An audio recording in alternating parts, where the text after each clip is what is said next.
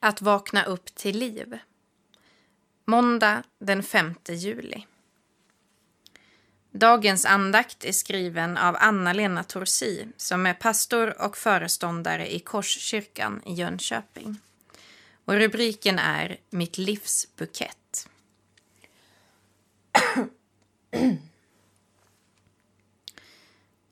I Första Mosebok 1 och 31 står det.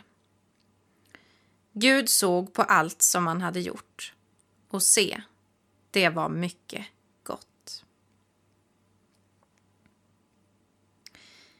Äntligen är den här, stunden jag längtat efter. Jag går ut genom grinden.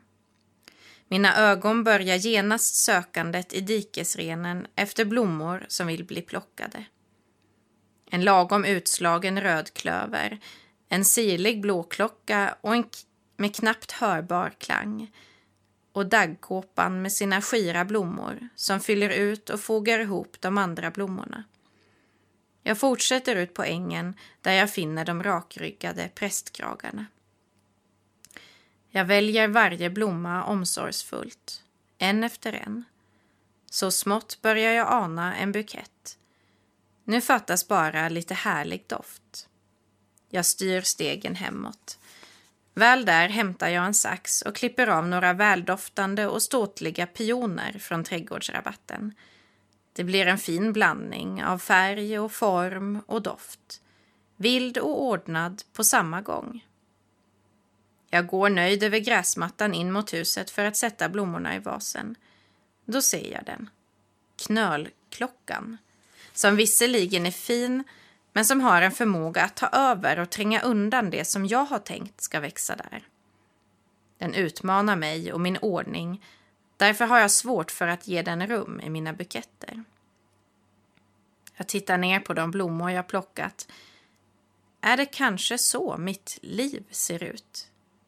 Att jag noga väljer vilka som får vara en del i min gemenskap. Jag som anser mig vara generös och inkluderande tycker att det är spännande och berikande med olika kulturer. Hävdar att det är bra med kollegor som kan komplettera. Gillar att umgås med olika typer. Jag som gärna berättar att jag bor i ett område med en rik blandning av människor vad gäller ålder, klass och etnicitet. Jag som gång på gång påpekat att den kristna församlingen ska vara en plats där alla kan och ska få rum. Och här står jag med min bukett. Det här med olikheter är utmanande och inte så enkelt. Knölklockan som så lätt tar över och inte håller sig inom ramarna. Rosen som i och för sig är underbart vacker men som man ofta sticker sig på. Eller murgranan, som visserligen är formbar och fin men så påfrestande då den aldrig kan stå för sig själv utan alltid måste klänga på andra. Inom mig börjar en längtan spira. Att på riktigt kunna tro att mångfald faktiskt berikar. Att jag kan lära mig något från andra som inte har samma erfarenheter eller perspektiv som jag. Att ha tålamod. Att vänta in den som inte är lika snabb som jag och inse att hon eller han kanske hunnit se något som jag missat i min fartblindhet. Att saker kan bli bra, ja, bättre, när de görs på ett annat sätt än jag hade tänkt. Jag tar en vas ur skåpet, fyller den med vatten och jämnar till blomskälkarna med en kniv. Jag sätter buketten i vasen och ställer fram den på köksbordet. Tänk om jag kunde vara ödmjuk nog att inse att mitt livs bukett på riktigt behöver mer färg och form och doft. Och inse att ensam blir jag aldrig en bukett, bara en ensam blomma. Vi ber. Gud, du som är alltings ursprung. I dig ryms allt och alla.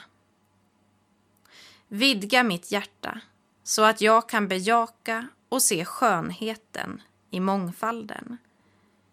Och ge mig generositet att älska även den jag inte förstår. Amen.